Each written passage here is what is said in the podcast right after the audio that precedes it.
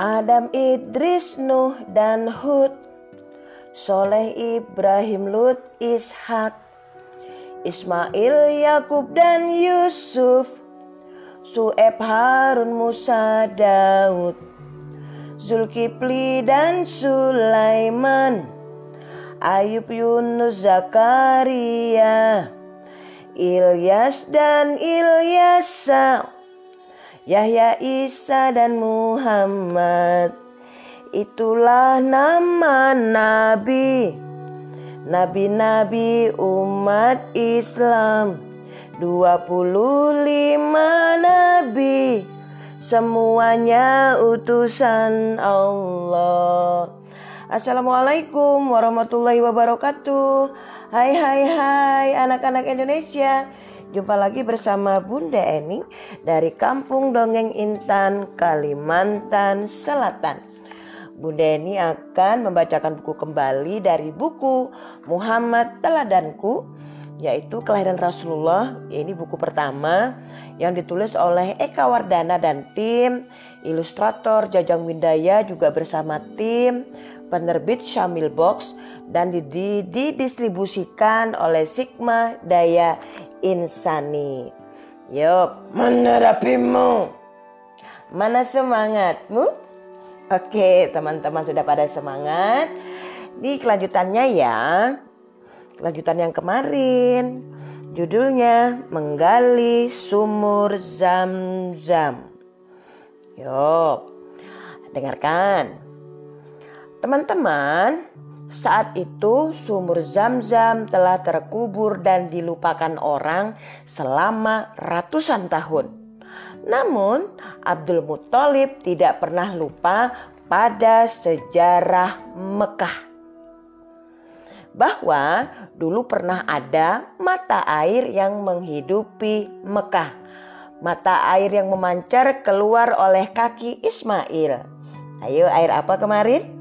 Iya betul air zam-zam. Aku harus menemukannya, pikir Abdul Muthalib. Aku harus menemukan kembali sumur zam-zam yang telah dilupakan orang. Apalagi aku bertugas menyediakan air dan makanan bagi penduduk Mekah. Pikiran seperti itu tidak pernah hilang dari benaknya. Aku harus menemukannya. Aku harus menemukannya. Begitu kata Abdul Muthalib. Setelah itu Abdul Muthalib mengambil tembilang dan memanggil putra satu-satunya yang bernama Haris. Haris temani ayah mencari dan menggali kembali sumber zam-zam.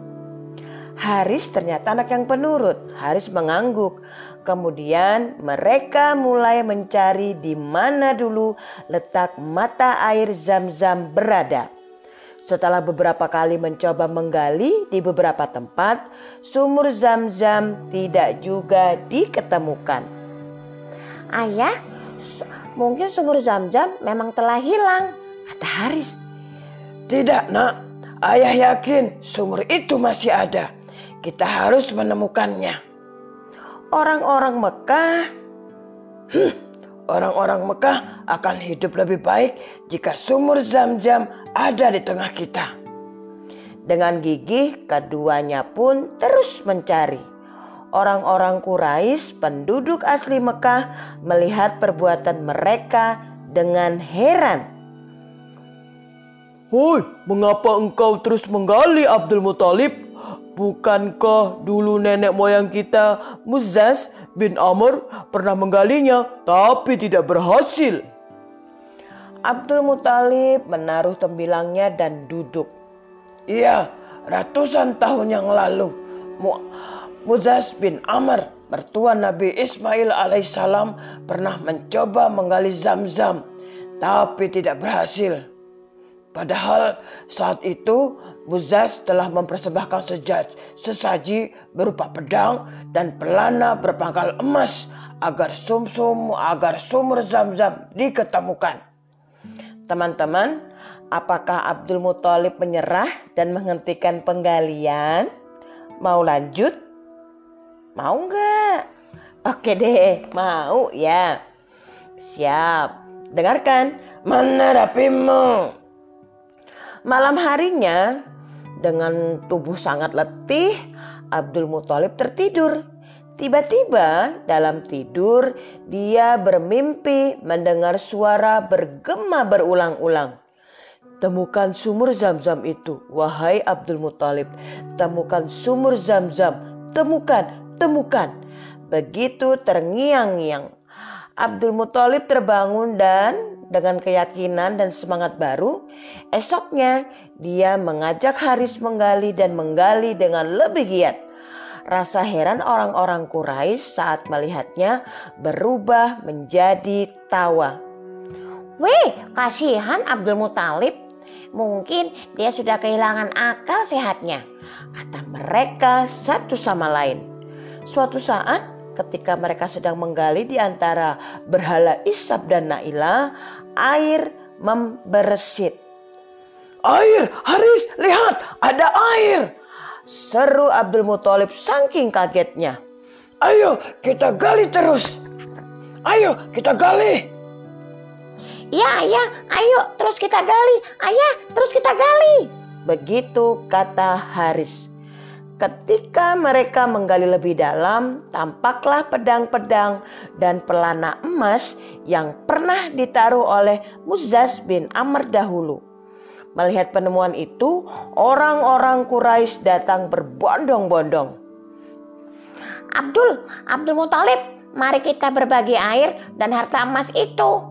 Pinta mereka. Hmm, tidak. Tetapi marilah kita mengadu nasib antara aku dan kamu sekalian dengan permainan kitsch. Yaitu permainan anak panah teman-teman. Dua anak panah buat Ka'bah, dua lagi buat aku dan dua lagi buat kamu. Begitu kata Abdul Muthalib. Kalau anak panah itu keluar, dia mendapat bagian. Kalau tidak, dia tidak mendapat apa-apa. Akhirnya usul ini pun disetujui. Jurukit mengundinya di tengah-tengah berhala di depan Ka'bah. Ternyata anak panah Quraisy tidak ada yang keluar. Pemenangnya adalah Ayo siapa? Iya, pemenangnya adalah Abdul Muthalib dan Ka'bah. Karenanya, dapatlah Abdul Muthalib meneruskan tugasnya mengurus air dan keperluan para tamu Mekah setelah sumur Zam-Zam memancar kembali. Mengingat beratnya tugas itu, Abdul Muthalib sangat ingin agar dia mempunyai banyak anak laki-laki yang dapat membantunya. Teman-teman, apakah keinginannya terkabul? Ayo, penasaran? Kalau penasaran, kita lanjutkan besok ya. Aha, pokoknya sabar, ya sabar deh. Oke teman-teman, ini dulu ceritanya, kisahnya hari ini.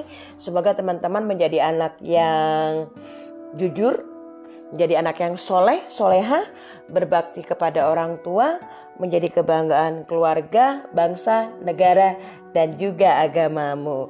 Oke teman-teman, sampai jumpa besok lagi ya. Assalamualaikum warahmatullahi wabarakatuh. Dah.